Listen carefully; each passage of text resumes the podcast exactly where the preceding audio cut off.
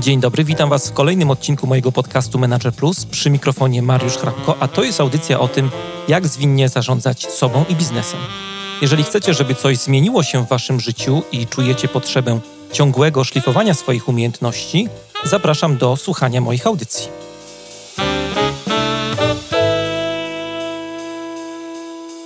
To jest podcast Manager Plus. Dzisiaj w audycji będziemy rozmawiali o zespołach wygranych i przegranych, a także o najnowszej książce e, gościa dzisiejszego odcinka, Joasi Malinowskiej-Parzydło, która mm, wspólnie ze swoim mężem Markiem prowadzi butik doradczy Unicorn. Bardzo mi się podoba ta nazwa, e, ale o tym może za chwilę. Przez wiele lat była e, dyrektorem komunikacji HR w koncernach medialnych, na przykład w Dzienniku Rzeczpospolita i grupie TVN. Warto też dodać, że należy do prekursorów zarządzania reputacją i marką osobistą w Polsce. Joasiu, witam Cię bardzo serdecznie. Dzień dobry, dzień dobry Mariuszu, dzień dobry wszystkim. Tak, jestem świeżo po lekturze Twojej książki i tak sobie pomyślałem, że chyba powinienem Cię przewitać e, w języku społeczności Navi. Elngati Kameje. Nie wiem, czy dobrze wymawiam. dobrze, dobrze zaliczyłeś, wiesz. No, mam punkt. od razu plusik na dzień dobry. Super. Nie wiem, czy, czy słuchacze tutaj y, wiedzą o co chodzi, ale to jest takie nietypowe powitanie. Można by sobie go przetłumaczyć jako widzę cię bardziej, tak? Mhm. Wczuwam się w ciebie, w twój świat. No, łącz, łączę się z tobą na mhm. wszystkich poziomach. No tak w podcaście widzę cię to dziwnie brzmi. Myśmy się widzieli, ale bardziej chodzi o takie dostrojenie się duchowe, wewnętrzne. Mhm. między e, podcasterem i gościem podcastu. tak e, zerkałem przed nagraniem do archiwum i wygląda na to, że rozmawialiśmy dokładnie 4 lata temu. Byłaś gościem podcastu i wtedy rozmawialiśmy o budowaniu marki osobistej liderów. A dzisiaj chciałbym trochę porozmawiać o Twojej najnowszej książce, w której piszesz o zespołach wygranych i przegranych, a chciałbym zacząć w ogóle tak nietypowo, bo zerknąłem sobie do podziękowań. To jest takie miejsce, gdzie chyba każdy czytelnik, y, ja przynajmniej tak często mam, nie powinienem się przyznawać, ale y, odhaczam, przekartkowywuję książkę, nie czytam podziękowań, ale tak sobie zerknąłem przypadkowo do tego, co tam napisałaś, no i zrobiłem duże oczy, bo zaczęłaś nietypowo, bo od podziękowań sobie w zasadzie za zmiany, które dokonały się w Twoim życiu. Dlaczego mm, były to zmiany dla Ciebie ważne? Może od tego byśmy zaczęli. No bo czekaj Mariusz, bo to mhm. jednak dla tych, którzy książki nie mieli mhm. E, w rękach albo jednak przemknęli przez e, i opuścili podziękowania, to jednak pierwsze podziękowania są dla, dla tych ludzi najważniejszych w moim życiu. Są mhm. dla Marka, są dla moich synków, są dla przyjaciół, dla moich mentees, a te drugie to taki jak zwykle mój eksperyment jest chyba związany właśnie z tym, za co sobie podziękowałam, czyli za odwagę. Za odwagę, żeby być sobą. I mówię to zupełnie bez patosu i bez, mm, ale też i bez skrępowania. Że bycie sobą w dzisiejszych czasach e, z taką dobrą energią i z takim uporządkowaniem już trochę w środku, a nawet nie trochę, mhm. porządnie w środku, to jest takie lustro, w którym ludzie, w których panuje hałas, nie za bardzo lubią się przeglądać. Dzisiaj miałam długą rozmowę na ten temat, dlatego tak chyba zareagowałam na to, na to co powiedziałeś. Mhm. E, I, I że to wymaga dziś e, odwagi, zajrzenie tam w siebie. No I chyba obie książki, Jesteś Marką, którą tu pozdrawiam, bo to moja pierwsza pierworodna córeczka i ona jutro kończy 5 lat. E, więc gdzie nie jest na świecie i w czyich rękach to ją, to mam cię ją ściska gorąco. No a właśnie, podziękowałam sobie za to, że, że dałam radę. E, I dałam radę przejść przez różne trudne w życiu sytuacje, bez utraty entuzjazmu dla życia i sympatii do ludzi. Mhm. A od tamtego czasu, od czasu naszej rozmowy, cztery lata temu to było, co się zmieniło w Twoim życiu? Hmm. I dużo i mało. Mhm. I to jest dobrze, dlatego że nie zmieniło się tam, gdzie daj Boże, żeby było, były rzeczy trwałe. Nie zmieniło się w ważnych dla mnie relacjach. E, co więcej, było zagrożenie, zagrożenie, istniało zagrożenie, że robienie biznesu i budowanie firmy z osobą, którą się kocha najbardziej na świecie od e, ponad 28 lat, może wprowadzić jakieś zamieszanie w tę miłość, ponieważ nigdy nie przyszło nam wcześniej do głowy, że będziemy prowadzić z Markiem firmę rodzinną. E, Butik to, prowadzicie. Tak, prowadzimy i to, jest, to był chyba jeden z, z poważniejszych eksperymentów w naszym małżeństwie i okazało się, że daliśmy radę. Zresztą powiedzieliśmy sobie, że jak nie my, to kto, a gdybyśmy nie dali, to, to się rozepniemy i sobie każdy pójdzie znowu swoją jakąś własną drogą zawodową, a na razie jest, mamy kolejne dziecko, to jest unicorna, e, mhm. i dbamy o niego i, i z vice versa. Więc e, to się udało. Rozmawiamy w trudnym czasie pandemii, izolacji. Ja mam całą rodzinę obok siebie. Mój starszy syn wrócił z Londynu. Zostałam mamą pracujących dzieci w międzyczasie. Więc w zasadzie mam powody do dumy, jeśli chodzi o te obszary najważniejsze w moim życiu. No, zostałam matką drugiej córeczki wydawniczej. No więc e, te rzeczy są, e, idą taką naturalną drogą. Co więcej, wirus sprawił, że zrealizowałam też plan pod tytułem zostać youtuberką e, i wzięłam się teraz poważnie za produkcję HR Insightów, takich rozmów wideo. No, ciekawy, ciekawy czas. No i tak. podcasterką też będziesz niebawem, tak? Wiesz co, no, e, coś wiesz na ten temat i kiedyś może też e, o tym porozmawiamy i może wtedy ja zaproszę Ciebie.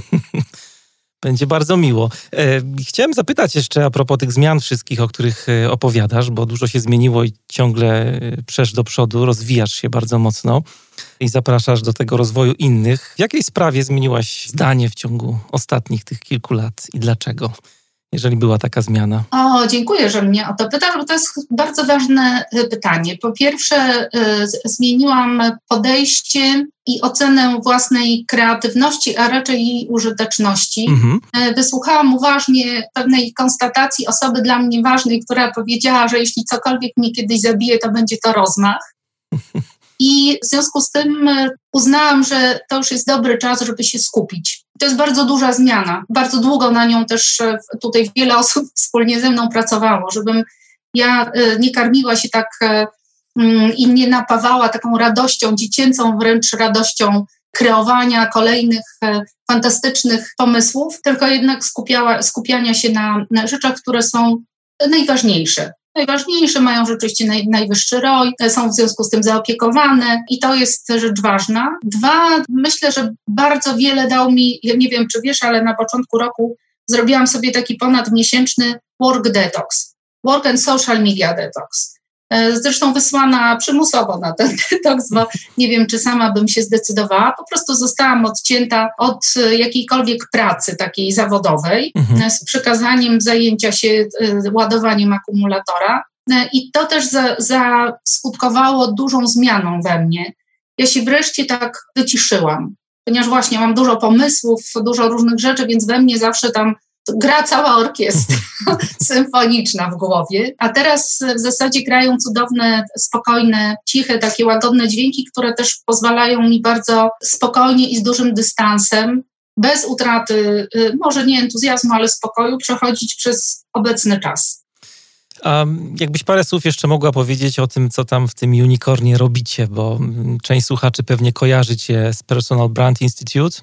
E, ta marka, ten, ten pomysł został wchłonięty przez Unicorna. Jakbyś parę mhm. słów powiedziała, czym się zajmujecie i też co Marek robi? Słuchaj, zajmujemy się w zasadzie tym, e, czym się zajmowaliśmy pracując w korporacjach, e, czyli ja się skupiam na doradzaniu liderom i profesjonalistom, jak budować markę, a teraz jak budować zaangażowanie w zespołach. E, Marek jest certyfikowanym w, Londynie e, coachem Galupa z taką e, wyjątkową, jak na rynku, dojrzałością no, po prostu sprawdzonego wieloletniego praktyka biznesu, lidera z poziomu C-suite i robi czary z Galupem. No, w związku z tym doradzamy firmom w obszarze komunikacji, w obszarze budowania zaangażowania właśnie zespołów coachingu menedżerskiego, no, myślę, że teraz e, niestety też wpiszemy w naszą ofertę e, doradztwo w obszarze placementu, no bo to będzie mhm. rynek, e, jak wspierać ludzi, którzy nie ze względu na to, że są gorszymi pracownikami, ale po prostu ze względu na decyzje, na decyzje budżetowe będą się znajdować w nieoczekiwanym dla siebie momencie na rynku pracy. Mhm. Nawiązałem do społeczności Nawi na początku, bo jest to jedna z głównych metafor wokół których kręci się Twoja książka. Drugi trzon to jest e, metafora Mordoru. E, chciałbym zapytać, skąd to wszystko się wzięło? Skąd te metafory i łączenie ich z zarządzaniem, liderami i zespołami, które e, wygrywają. No Mariusz, e, chciałabym powiedzieć, że z książek, ale wzięła się no, z życia. niektórzy kojarzą w Warszawie, nawet taksówkarze. E, Mordor ludzie kojarzą, ale on niestety wziął się z ludzkich głów i z tego, co ludzie sobie fundują na co dzień w pracy i dopiero wtedy E, e, stał się elementem, e, punktem na mapie mhm. geograficznej Warszawy. Natomiast zacznę od tego, skąd się wziął pomysł na książkę. Taki, a nie inny i dlaczego mhm. atlas i metafory. Dobrze? To tak Dobra. na mojej linii czasu będzie mi łatwiej Dobra. opowiedzieć. Ja pamiętam, jak już napisałam Jesteś marką i ona tak się ładnie usamodzielniła. Dru drugą książką na liście, a mam ich dziewięć na razie, które zamierzam napisać, daj Boże zdrowie. Ojej. Mm, e, drugą była właśnie książka o polskich stylach zarządzania. I ja w zasadzie tej książki nie napisałam, bo, na, bo powstał Atlas. E, tamta, tamta chyba skoczyła na trzecie miejsce, a może nie. Natomiast e, wyobraziłam sobie ciemną i jasną stronę korporacyjnej mocy, ponieważ jednej i drugiej strony do, doznałam, doświadczyłam w życiu. E, nie ukrywam, że praca w mediach i, i, i wierzę, że mi koledzy e, dobrzy dziennikarze e, wybaczą, że, że nazywamy rzeczy po imieniu, ale praca w mediach jest pracą w trudnym i wymagającym otoczeniu. I o ile tam ludzie chcą, pracują i mają motywację, żeby innym być może czynić się niebo, to zaniedbują tę jasną stronę na rzecz ciemnej w codziennych relacjach zawodowych, tak? bo tam nie ma czasu na relacje w zasadzie. I to już jest na pewno wskaźnik ciemnej strony zarządzania. I wtedy ja, ja, lubię metafory. Ja lata temu przekonałam się co do siły metafor na własnym grzbiecie i własnej praktyce i we własnym życiu. W związku z tym sięgnęłam od razu po metafory, jak w takim razie ponazywać te gry. E, gry, w które grają ludzie. No Mordor był nazwany, więc e, należało go tylko doprecyzować, co to oznacza, że ludzie robią sobie Mordor albo grają w Mordor. No jak Mordor, no to siłą rzeczy władca e, pierścienia, a jak wyjaśniam w książce, to jest trylogia w ogóle i Tolkien, nawet nie tylko trylogia, ale w ogóle Tolkien pojawił się w, w naszym życiu dawno temu za sprawą właśnie mojego starszego syna Jaśka. E, I my wtedy, kiedy przed świętami wszyscy oglądają Kevin sam w domu, to my e, zwykle oglądamy e, właśnie trylogię mhm. mm, i, i się cieszymy i muzyką, i obrazami, i bohaterami. Natomiast Avatar, Avatar zrobił na mnie wrażenie, ponieważ dla mnie Avatar od samego początku był filmem o takiej naj, najgłębszej formie komunikacji w relacjach e, między dwojgiem ludzi. E, a tam jeszcze e, pokazanych jako w ogóle formuła komunikowania się całej dużej społeczności na planecie, więc bardzo takie uwodzicielskie. No i, i, idąc właśnie, szukając tych metafor, jak ponazywać gry z ciemnej i, i, i, jasnej strony zarządzania, no te dwie metafory okazały się takie kluczowe, no bo rzeczywiście nasz unicorn jest w zasadzie zaparkowany gdzieś pod tym drzewem Navi, a ja na pewno tam często przebywam. Mhm. Jak sobie czytałem... Przed drzewem Ewa, Ewa się nazywa drzewo rosnące na środku planety Zachęcam wszystkich, którzy nie obejrzeli jeszcze filmu Avatar, mm, do obejrzenia, żeby zrozumieć, o czym, o czym mówię. Tak. Jak sobie czytałem Twoją książkę, to mm, a propos tych metafor i Mordoru zwłaszcza, to miałem takie wrażenie trochę, może mylne, że Ty próbujesz w jakiś sposób ten Mordor metaforyczny, Mordor na Domaniewskiej też, e, trochę jednak odczarować. W zasadzie mm, nawet mówisz, że cały ten straszny Mordor jest y, w pewnym sensie neutralny. To tylko ludzie w taki sposób y, świadomy lub nieświadomy tworzą sobie to piekiełko albo niebo, w mhm. zależności od tego, jak tam jest. Mam rację, czy, czy nie? Słuchaj, tak. E, znaczy, e, tak, bez dwóch zdań, nawet nie znaczy i bez żadnego dodatku. Ja jestem e, dużą sympatyczką ludzi.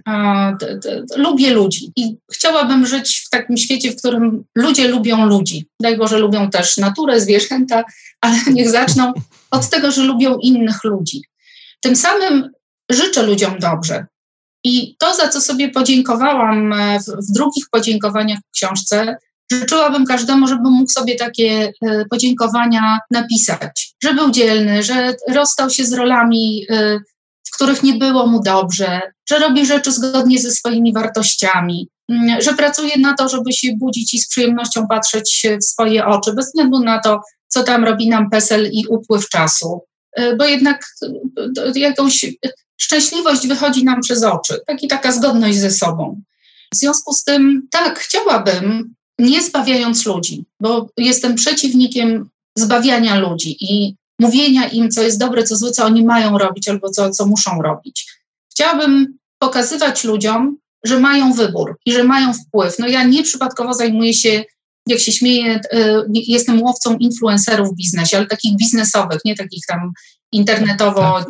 ludzi z nie wiadomo skąd, tylko mówię ludzi w biznesie, którzy mają ogromny wpływ na innych ludzi i odpowiedzialność tym samym. Do nich e, jakby apeluję, że popatrzcie, można. Tak, owszem, zawsze ciążymy ku tym e, ciemnym stronom, e, ponieważ no jednak jak to w analizie transakcyjnej, która tam się tak lekko przewija bez żadnych naukowych, mam nadzieję, obciążeń, ale ludzie często grają w te gry, które przynoszą zyski im, a nie przynoszą, nie generują zysków większej, większej grupie. Ja bym zachęcała, żeby szukać tej jasnej strony, ponieważ jako dyrektor personalny, no z przypadku czy nie z przypadku, ale jednak przez wiele lat z wielką pasją e, do ludzi też wykonujących tę misję, bo to, to jest dopiero misja, e, a nie tyle rola czy zawód, Chciałabym, żeby ludzie w pracy mogli czerpać satysfakcję z ciężkiej pracy, bo uważam, że do pracy chodzi się po to, żeby ciężko pracować. Ciężko to nie, nie oznacza oddając duszę właśnie mordorowi, mm, tylko e, z, zaangażowaniem, ale żeby praca była wartością, a nie ciężkim obowiązkiem, czy miejscem, w którym tracimy odporność na różne rzeczy, co się potem przekłada na y, być może po prostu niższą odporność fizyczną i psychiczną, która jest ważna, jak widać. O te gry, bo tutaj kilka wątków się pojawiło, za chwilę Cię zapytam, ale chciałbym nawiązać do tego, co powiedziałaś wcześniej, od tego trochę zaczęliśmy dzisiaj.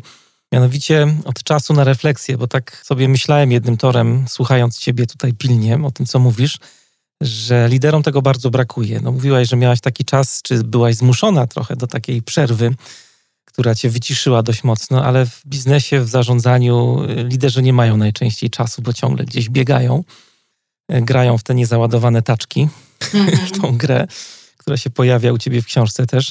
Od czego zacząć? Ja nie pytam tutaj o jakieś takie wielkie, nie wiem, strategiczne plany, ale taki lider, który nie ma czasu, bo ciągle maile, bo ze spotkania na spotkanie, od czego zacząć? Jak w ogóle zacząć, żeby taki czas dla siebie wygospodarować? Bo są sytuacje takie, no na przykład, nie wiem, upadamy na zdrowiu, nie? I jest taka sytuacja graniczna, która nas popycha do tego, żeby zmienić życie drastycznie. Ale sporo liderów nie ma mm, takiego dobrodziejstwa, w cudzysłowie oczywiście. Mm-hmm. I właśnie potrzebuje jakiegoś impulsu do tego, żeby się wytrącić trochę z tej takiej bieżączki, żeby pomyśleć o wartościach, żeby zajrzeć do środka, tak jak mówiłaś na początku, żeby sprawdzić, czy tam wszystko jest poukładane na swoim miejscu, może czegoś brakuje, może trzeba coś przestawić.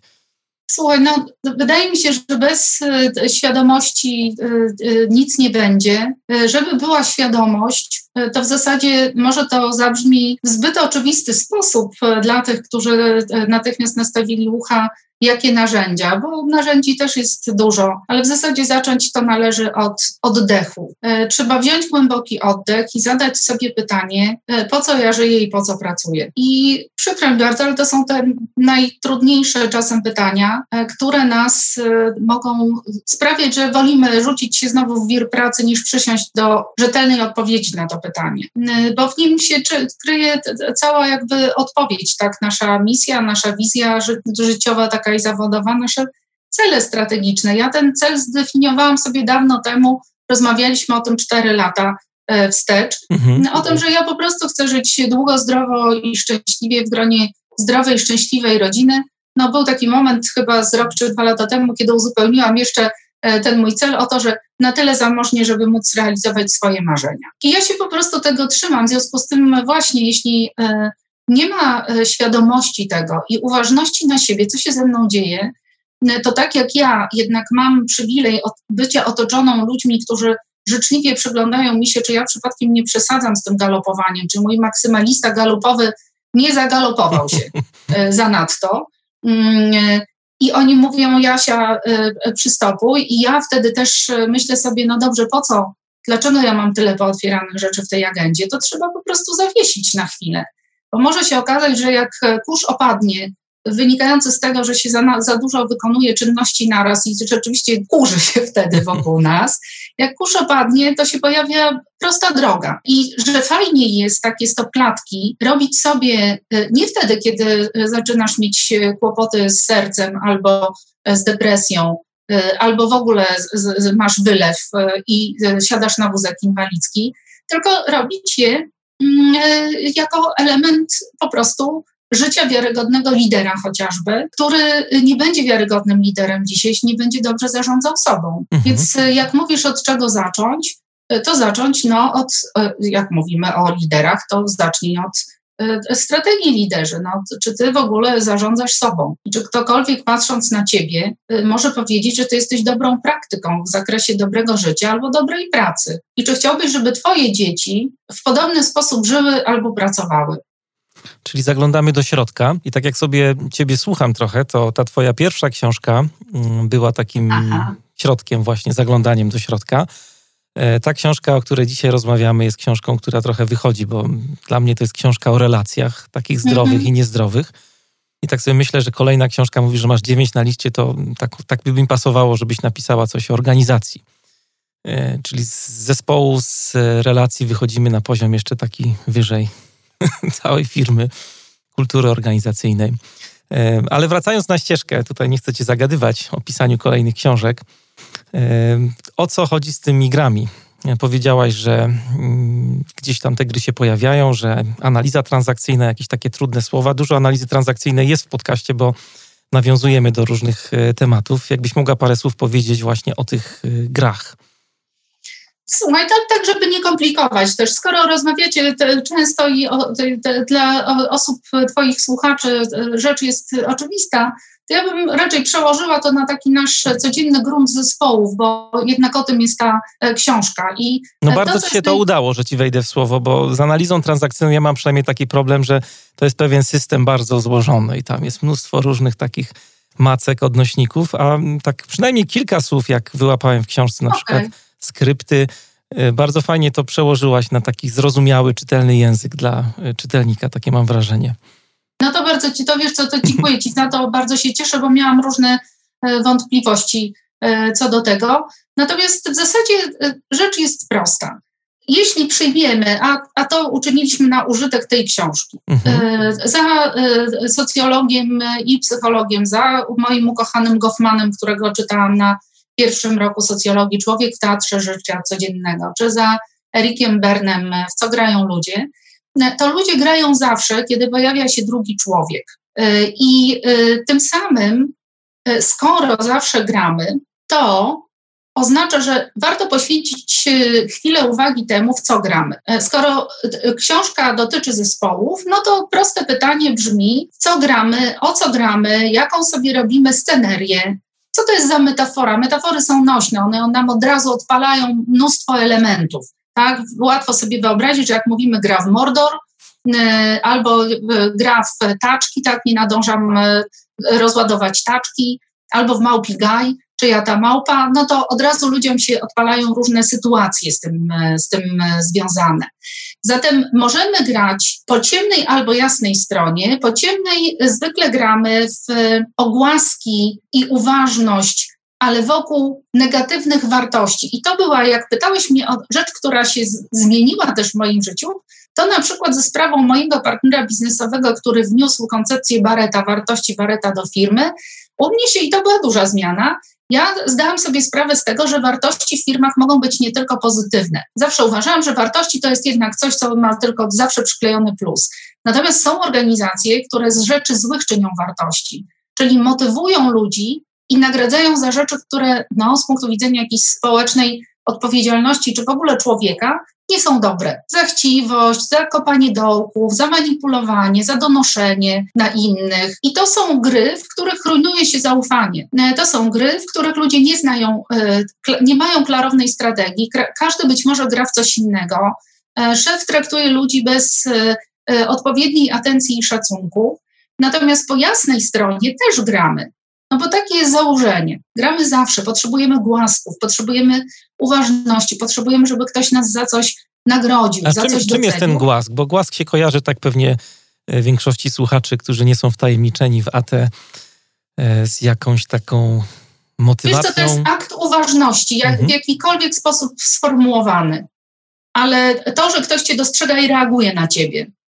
E, w internecie głaskiem może być like, albo w internecie e, głaskiem może być e, nawet jakiś hejtujący komentarz, ale nadal fakt, że ktoś dostrzegł, że jesteś. Mhm. I mówiłaś, że gramy w zespołach o głaski, tak? O uważność. Wiesz co, gramy, w ogóle gramy. Gramy, no zwykle tam każdy ma również swoje jakieś motywatory, o które, o które gra. Mm, I, I, o rzeczy, które są dla niego ważne. W tych grach po jasnej stronie gramy na pewno o zaufanie. E, w e, po ciemnej stronie gramy w gry, które e, dyktuje szef. Trochę mu nie zależy, jak na wojnie, czy komuś się jego strategia podoba, czy nie.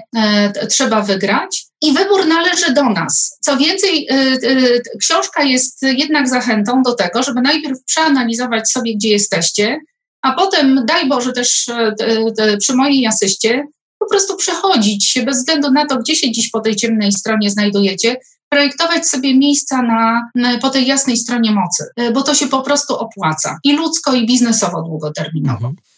A w co grają takie najlepsze zespoły? No słuchaj, ja wierzę w e, e, rząd, wierzę w rząd wartości, bo to jest po prostu zarządzanie przez wartości, a te pozytywne wartości, bo o tych mówimy po jasnej stronie, to są jedne z silniejszych motywatorów. To są nasze zasady, którymi się kierujemy w życiu to jest odpowiedź na pytanie, dlaczego pracuję. Więc jeśli jesteśmy dobrze zrekrutowani w zespole i te wartości były jakby czynnikiem rekrutacyjnym, czyli y, decydowały o tym, kogo przyjmiemy do zespołu, czy to będzie osoba, której te wartości są bliskie, w zasadzie takich ludzi nie trzeba motywować nawet pieniędzmi. Oni się po prostu cieszą z tego, że pracują w firmie, y, w której ludzie y, są jakby traktują, za, uważają za ważne rzeczy, które dla nich też są ważne. Mm, więc jest rząd wartości, są transformersi, i to jest w zasadzie taka gra w taki, wszystkie case'y, które są opisane w grach są prawdziwe. One tylko nie są takie literalnie opisane, są pomieszane, żeby tam nie skupiać uwagi na dociekaniu, kto jest no, kim. Niektóre czytają z wypiekami na twarzy te sytuacje, które No i są naprawdę, i to się zadziało, tak, to się zdarzyło. E, I tak samo Transformersi na przykład. To, są, to jest gra, w której przychodzi lider, który ma bardzo jasną, klarowną wizję e, tego, gdzie chce dojść i ma bardzo nieprzygotowany, słaby zespół, który jest e, głową jeszcze w jakichś takich starych układach. I on potrafi ich pociągnąć tą swoją właśnie wizją i tak prze, zmienić kulturę e, pracy e, i budować ją właśnie wokół wartości, wokół celów, e, wokół jasnej, klarownej komunikacji, kto w tej transformacji się zmieści, a kto jeśli nie nadąży, to niestety ale będzie musiał wypaść. Przy całym szacunku dla ludzi, tak? To jest taki jasny, klarowny, jasna, klarowna gra na zmiany, o których się dużo, dużo mówiło przed, jeszcze no, w zeszłym roku. W temacie kultury organizacyjnej, tworzenia właśnie tej kultury, która jest taką kulturą odpowiedzialności i wolności też pracowników. Bardzo mnie ucieszyło, bo kilka razy zwróciłaś uwagę i nawiązałaś też do mm, takiego projektu, który był w Google prowadzony. Projekt się nazywa mhm. Arystoteles. A propos tego, w co grają dobre zespoły, najlepsze zespoły i mm, taką rzeczą podstawową. To były badania, które tak tylko przypomnę słuchaczom, żeby za bardzo nie spoilerować, ale ta, te badania też e, są opisane w takiej książce, która niedawno się pojawiła, Mądrzej, Szybciej, Lepiej, Charlesa Duiga, który jest kojarzony z siłą nawyku. I to były takie badania w Google'ach, które były prowadzone po to, żeby sobie odpowiedzieć na pytanie właśnie, co wpływa na, efektywne, na efektywność zespołów. No i tam wyszło im kilka parametrów i ten pierwszy parametr to poczucie bezpieczeństwa psychicznego, mm, mhm. tworzenie takiego klimatu mm, otwartości w zespołach, klimatu zaufania. To jest to, tak chciałem dopowiedzieć do tego, o czym mówisz tutaj, tej kultury takiej, którą lider powinien tworzyć. Wiesz co, I to jest też, e, ja myślę, że ważne, żeby wybrzmiało, bo tak jak powiedziałeś o kulturze organizacyjnej, bardzo często ludzie mówią, oj wiesz Asia, ale my mamy taki zarząd albo taki global. Nas się nie da. To się nie da. Tak, na pewne rzeczy nie mamy wpływu albo bardzo limitowany, natomiast każdy z nas, i o tym jest ta książka, ma wpływ na swój zespół jako jego członek albo jego szef tym bardziej. I to jest ważne, że nawet jeśli wokół nas ludzie grają w gry y, dysfunkcyjne, czyli te z ciemnej strony zarządzania, my mamy możliwość wykreowania sobie y, jednak ładnej bańki. Wiem, co mówię, bo ja to robiłam. Mhm. Można. Tak, nie trzeba od razu zmieniać y, całej firmy. A druga rzecz a propos badań Google'a, zauważ, jak u nas łatwo powstała taka narracja w Polsce, ja przy, przyglądałam się temu z boku, że o, no to my teraz bądźmy jak Google, E, to wyposażmy biura w te takie kolorowe, wiesz, pufy, budki telefoniczne i różne rzeczy i będziemy jak Google. A okazało się, że Google'a to na te budki stać i na to mleko sojowe piłkarzyków i te kolorowe wszystkie wykładziny, dlatego, że oni zatrudniają liderów z taką atencją, że tam się po prostu nie powinien trafić ktoś, kto nęka pracownika psychicznie. Oni zwracają uwagę, czy szef zespołu potrafi zbudować zespół. Tak, czy wie, co w ogóle kim będzie zarządzał, bo nie będzie zarządzał technologią, będzie zarządzał człowiekiem. I to jest, myślę, bardzo, wiesz, e, ważna rzecz, że to już wymaga e, tych kompetencji, które opisuję w książce jako jednak tego lidera 4.0. No właśnie, I to chciałem... są trudne dla Polaków kompetencje. O tą formułę 4.0 też Cię chciałem zapytać, y, bo mm -hmm. posługujesz się w kontekście przywództwa 4.0, lidera 4.0, zespół 4.0. Mogłabyś to trochę rozwinąć? Skąd ta czwórka? E, wiesz co, z takiej prostej, e, natural, naturalnej też linii czasu, ja chyba w ogóle lubię tak e, z, z jednej strony ze względu na galupa siedzieć w przyszłości, ale nauczyłam się też być tu i teraz i w zasadzie jesteśmy od jakiegoś czasu uczestnikiem i kreatorem no, rewolucji 4.0. Mm, ta rewolucja będzie się e, e, różniła i różni się tym od wszystkich pozostałych rewolucji, że ona wpłynie nie tylko na środki produkcji, ale w głównej mierze na kulturę organizacyjną. W świecie już przemieszania ludzi i technologii, informatyzacji, sztucznej inteligencji i tego, co przed nami, nie będzie można sobie pozwolić na pewne zachowania związane z zarządzaniem ludźmi, którzy jednak stali się, zwłaszcza w czasie sztucznej inteligencji, kluczowym czynnikiem konkurowania. Ta sztuczna inteligencja bez człowieka, i to długo tak będzie, dobrego pracownika w firmie, o tym mówię, ona nie, jej potencjał nie zostanie wykorzystany. I wiedzą to, bo badają to firmy. W związku z tym to 4.0 jest nie mniej, nie więcej rozmową o tym, jak my dzisiaj e, chcemy e, skutecznie rozwijać, budować biznes, bez względu na to, czy jest prosperity, czy jest kryzys, tak, ale e, w, w tym świecie, w którym przyszło nam żyć i funkcjonować, który jest po prostu ciekawy, ale jest też inny. Wymaga innego przywództwa, innego lidera, innego podejścia do zespołów, do zaangażowania. Zobacz, jednym z przesłań tej książki jest to, że tak naprawdę motywacją, motywacja zewnętrzna jest krótkoterminowa, a motywacji wewnętrznej, która jest kluczowa, nie możemy niczym kupić. Na nią trzeba sobie zapracować. Jeśli człowiek ma być zaangażowany, to powinien szanować swojego szefa.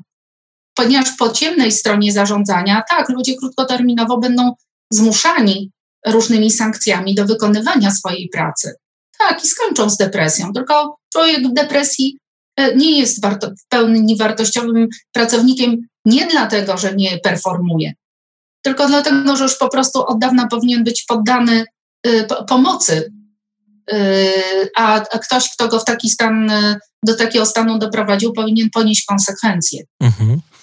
E, mówiliśmy wcześniej o budowaniu silnej kultury, pojawił się Google. I chciałbym zahaczyć na chwilę o kompetencje liderów, bo kompetencje liderów E, są dość istotne przy w ogóle temacie budowania silnej kultury organizacyjnej. No, jeżeli mówimy o kompetencjach, to są takie trzy słynne elementy: wiedza, umiejętności, pewne postawy. Chciałbym zaczepić się trochę o te postawy, ten trzeci element, bo y, postawa lidera jest dzisiaj tak y, bardzo pożądana, właściwa postawa. Pytanie do ciebie: jaką postawą powinni się cechować współcześni przywódcy? E, ja myślę, że tak. Nawet zastanawiam się, ale to jest gdzieś z poziomu postawy. Ja myślę, że y, przede wszystkim samoświadomość. I to nie rozumiane jako kolejny slogan, tylko poddana refleksji. W ogóle właśnie, zacznijmy może od tego, że refleksyjność.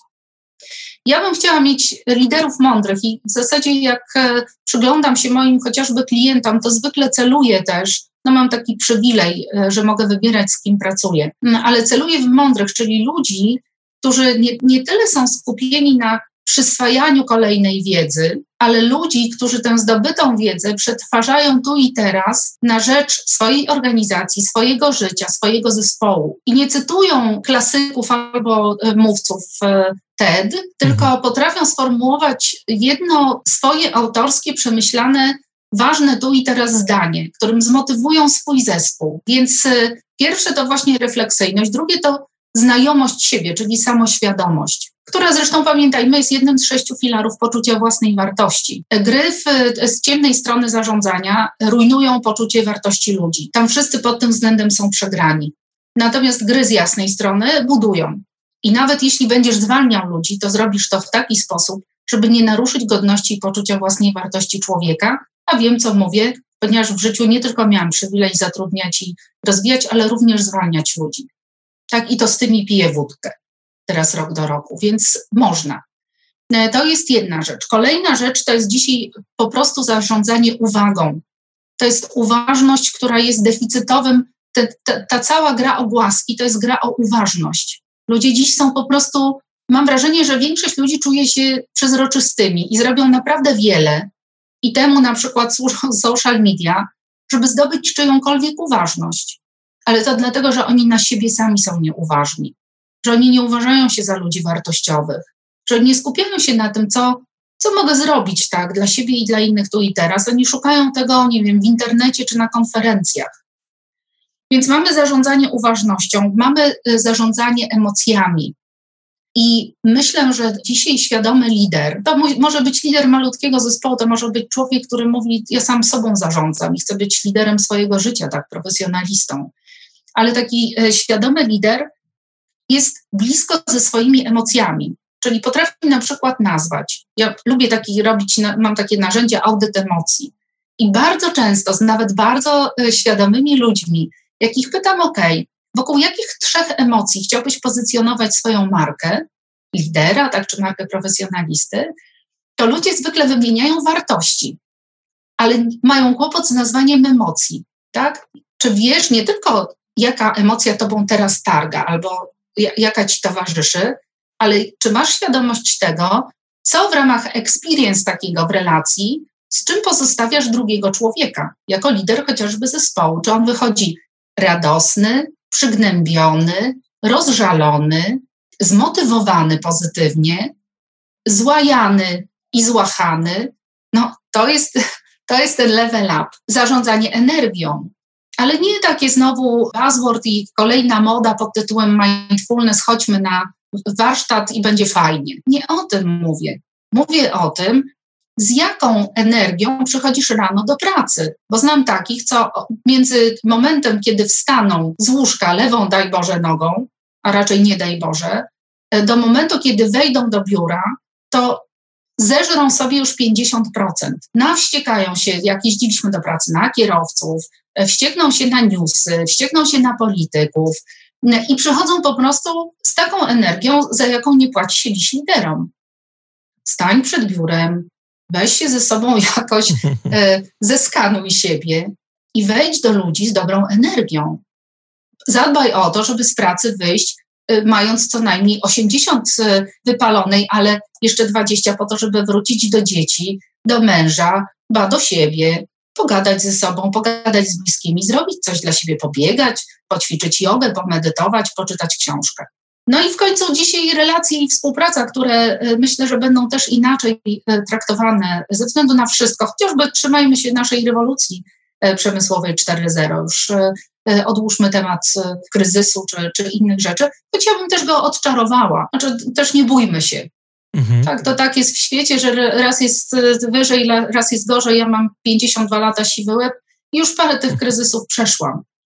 Tak, dbajmy o to, żeby tu i teraz robić rzeczy najlepiej, jak potrafimy i wykorzystywać możliwości. Spokojnie, właśnie oddychając, yy, mając na uwadze, co mi się tam w głowie włącza, czy to, co sobie myślę od wczoraj, czy to jest użyteczne. A może lepiej po chwilę pomedytować i sobie to odpuścić, tak, bo nic sobie dobrego nie robimy.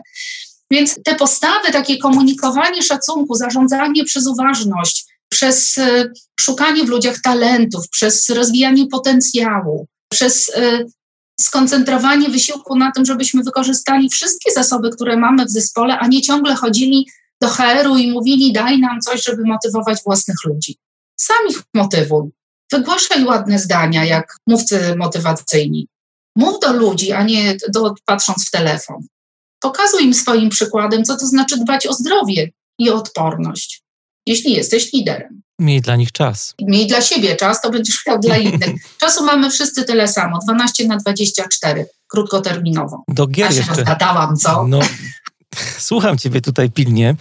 E, chciałem cię jeszcze o gry trochę zapytać, bo u ciebie no, ten pomysł z grami jest taki bardzo ciekawy. Te gry są i dobre, i złe. Tak trochę inaczej niż w AT, bo w AT tam ta wypłata jest negatywna zawsze, mniej lub bardziej. Co zrobić właśnie? To mi się bardzo ten pomysł podobał. Co zrobić, żeby nie wikłać się właśnie w te gry z negatywną wypłatą, tylko w jakiś sposób przechodzić na tą dobrą stronę zarządzania? Słuchaj, no z Narzędzi jest mnóstwo, narzędzi jest mnóstwo w twojej książce, ale tak po żołniersku, w trzech słowach. Słuchaj, po żołniersku powiedziałabym tak, usiąść, wpisać sobie, tak, zaczęłabym od tego, wpisać sobie w kalendarz pół godziny na rozmowę ze sobą, dobra, to w co ja gram z moim zespołem, albo w co gra mój zespół. Czy to jest w ogóle gra, która y, służy temu, żebyśmy my, y, pracując w zupełnie przyzwoitych warunkach i w miłej, a, a raczej nie miłej, przepraszam, wróć, ale w, w takiej użytecznej atmosferze, sprzyjającej wszystkim i biznesowi atmosferze, realizowali nasze cele i wyniki. Jeśli nie, to może warto ten zespół jakoś z tym skonfrontować, powiedzieć: Słuchajcie, dla mnie jako szefa ważne jest, jak my się ze sobą na co dzień komunikujemy, bo na koniec to wszystko jest o komunikacji międzyludzkiej. Na koniec to jest wszystko o tym, co człowiek robi człowiekowi. Czy robi mu coś dobrego, niebo na ziemi, czy dzień po dniu funduje mu piekło. Ludzie bardzo często robią to nieświadomie. Ludzie wchodzą w utarte kolejne, ludzie czasem przychodzą do firmy i nawet nie mają świadomości, bo, no bo są przejęci i, i w nowej pracy, że właśnie ktoś wyłożył przed nimi bardzo niedobry scenariusz. Tak, bo tutaj ludzie na przykład mają zwyczaj źle mówić o swoim szefie, albo źle mówić o swoim zarządzie, albo naparzać się dział, z działem sprzedaży. I jeśli tylko powiesz dobre słowo na temat dyrektora sprzedaży, to dostaniesz bęcki, tak? W związku z tym y, warto się zastanowić, w co chcę, żeby ludzie grali. Właśnie, co, za co ja nagradzam ludzi jako szef. Nagradzam to nie znaczy, y, daję im nagrody y, finansowe. Którym poświęcam więcej czasu jako lider? Tym dobrym czy tym niedobrym bohaterom na, naszej codzienności? Z, z kogo czynię bohatera? Czy ja jestem dobrym bohaterem w tej grze? Co na ten temat powiedzą moi ludzie? Jakie wartości wymienią w pierwszej kolejności, my będziemy taki test robić. Co ludzie uważają jest ważne w naszym zespole, zdaniem szefa chociażby. No bo to widać, za co, kogo on i za co tam promuje i nagradza. Za rzeczy dobre, czy wręcz przeciwnie? Za patologię. Żeby sobie uświadomić te wszystkie gry, o których tutaj opowiadasz, to myślę, że warto zacząć od przeczytania Twojej książki, która jest y, taką książką nietypową. Ja zawsze mówię, że tego typu książki nie są do czytania tylko są do mm, przepracowywania, bo ta twoja książka jest takim workbookiem trochę, nawet jak sobie próbowałem coś tam w niej notować, to jest tak zrobiona, że w zasadzie e, nie notować, tylko podkreślać, bo lubię sobie mazać po książkach, mm -hmm. to mhm. tam już jest tyle rzeczy pomazanych jakby z definicji. A każda gra jest opatrzona właśnie taką fajną narzędziówką i jest wszystko tak rozpisane, że tylko pracować z tym workbookiem nawet myślę, że taka mm, autoświadomość dużo da na początek i przejrzenie tych wszystkich rzeczy, które tam są, tych pozytywnych i negatywnych gier. A chciałem jeszcze zapytać tutaj o jedną rzecz, którą gdzieś tam, o której wspominałaś trochę dzisiaj też, e, o kwestionariuszu TEAM, który mhm. powstał, Team Experience Actual Management, taki jest skrót.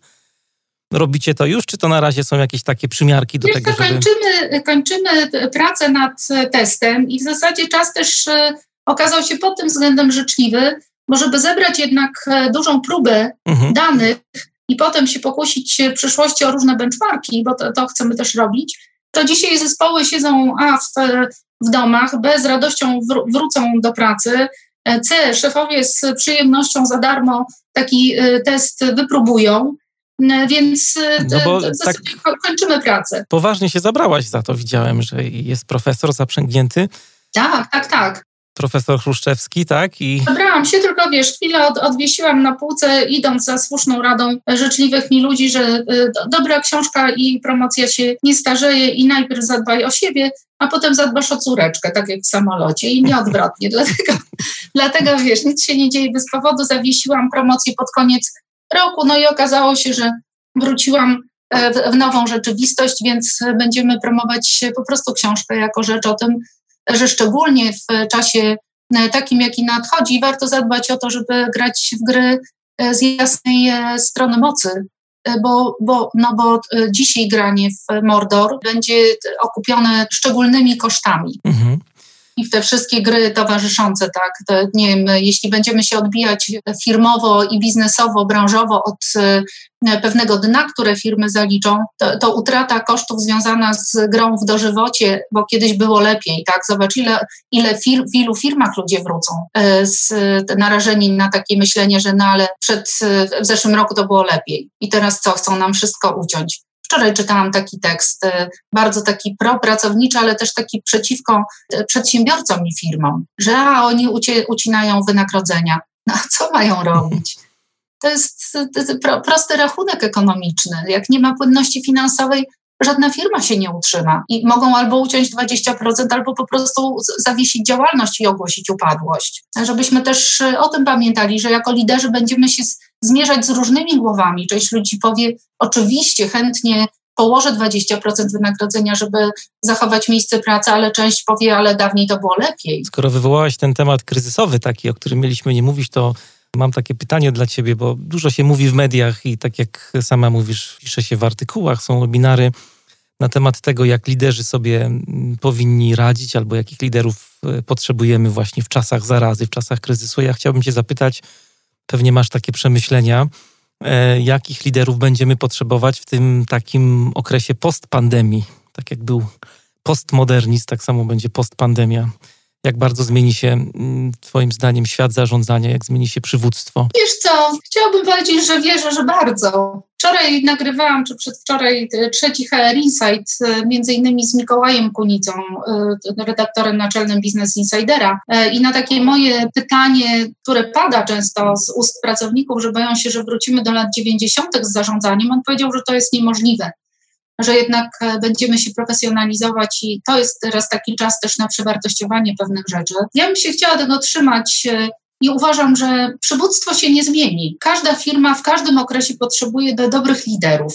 Dobrych to znaczy mądrych, elastycznie reagujących, potrafiących motywować ludzi bez względu na to, czy jest prosperity, czy jest e, kryzys. I w zasadzie oni powinni być tylko coraz bardziej uważni e, na siebie i na innych, ponieważ ludzie po prostu się robią coraz mniej odporni w dzisiejszym świecie. Ten świat, który sobie stworzyliśmy, nie do końca jest dla nas zdrowy Kruchy jest mm. bardzo. E, tak, i że w zasadzie lider dziś powinien być po prostu bardzo dobrym HR-owcem, bardzo dobrym HR-owcem. Powinien zrobić wszystko, żeby jak najszybciej spić całą wiedzę na temat psychologii i człowieka z ust, e, daj Boże, kompetentnego e, profesjonalisty, który zna się na ludziach.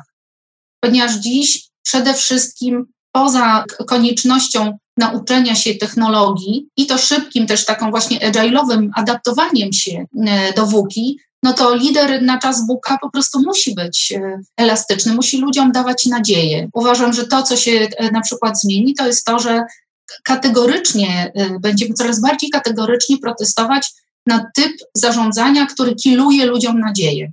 Bo to potrafi tak, to wystarczy otworzyć social media albo jakikolwiek portal, jakiekolwiek medium, które się nie czuje odpowiedzialne za to, jakie emocje właśnie podbija. A przy pewnych emocjach blokuje się, blokuje się kreatywny mózg i włącza nam się gadzi mózg. Ludzie dzisiaj w coraz większej e, grupie syczą na siebie, warczą, e, są nieżyczliwi, zaczynają być agresywni.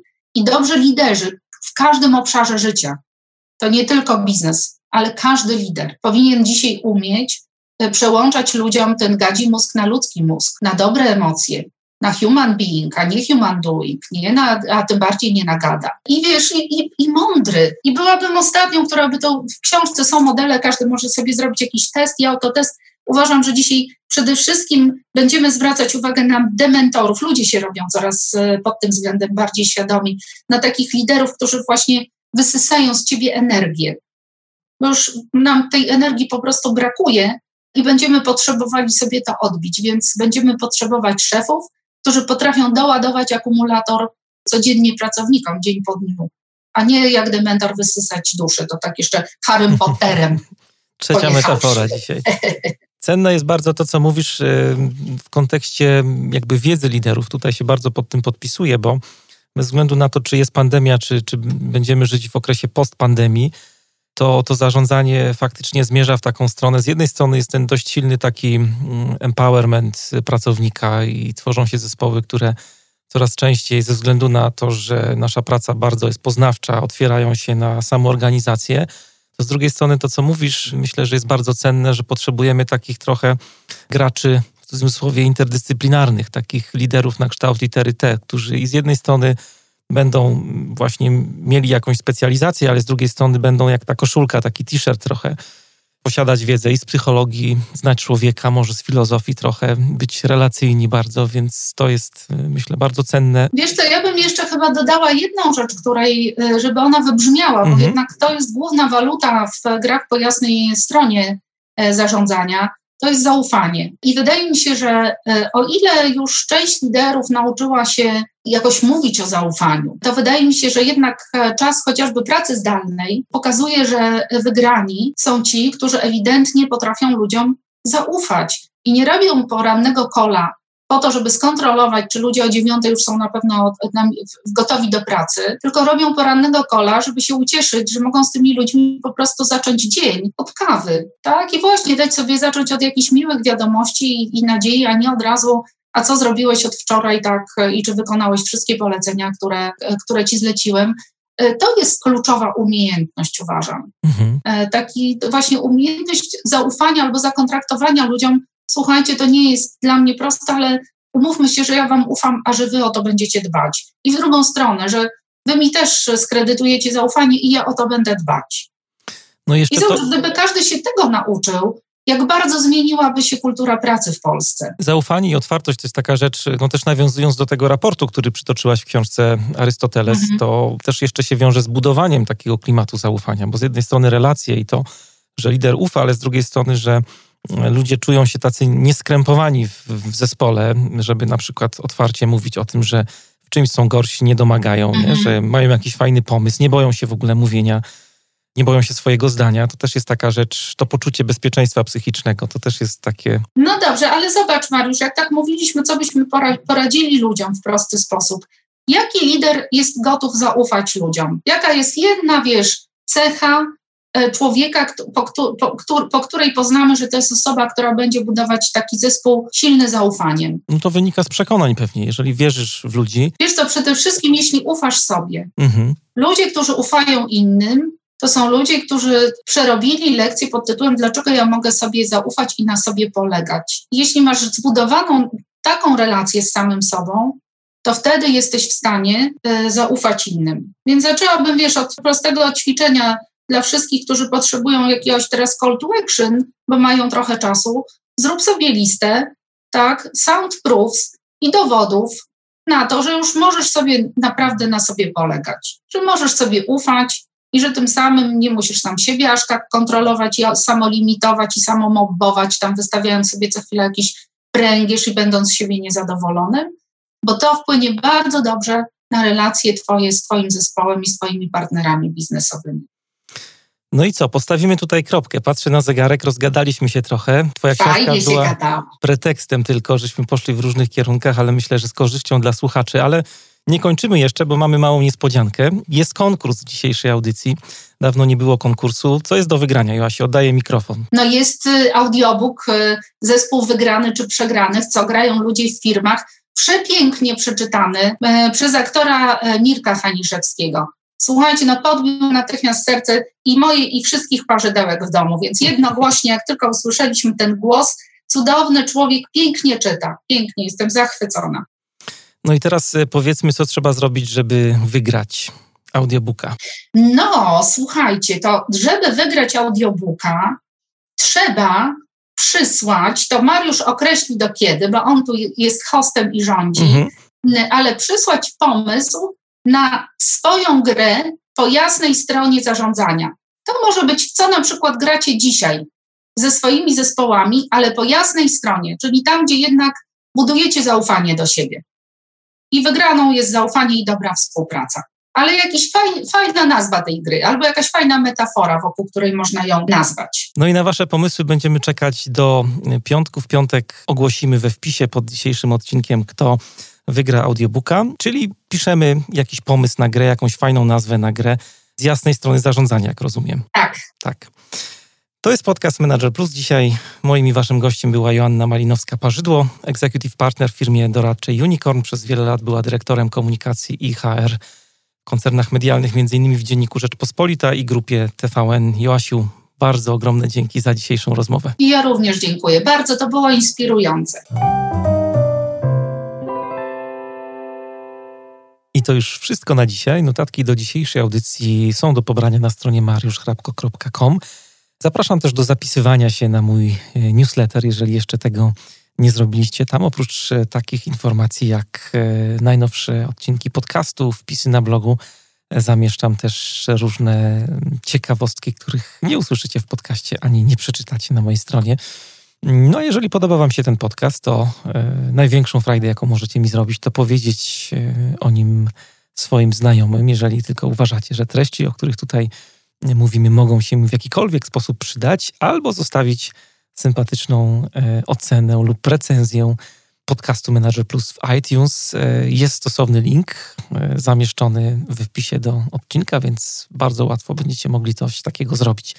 Bardzo mi na tym zależy, bo dzięki tym waszym głosom mój program będzie mm, bardziej zauważalny w wyszukiwarce iTunes, a dzięki temu będę mógł docierać do szerszego grona odbiorców z góry. Ogromne dzięki za Waszą pomoc. Ja się nazywam Mariusz Hrabko, trzymajcie się i do usłyszenia niebawem.